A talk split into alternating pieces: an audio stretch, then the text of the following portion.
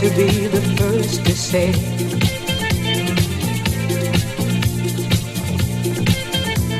wants to be the first to say goodbye wants to be the first to say goodbye.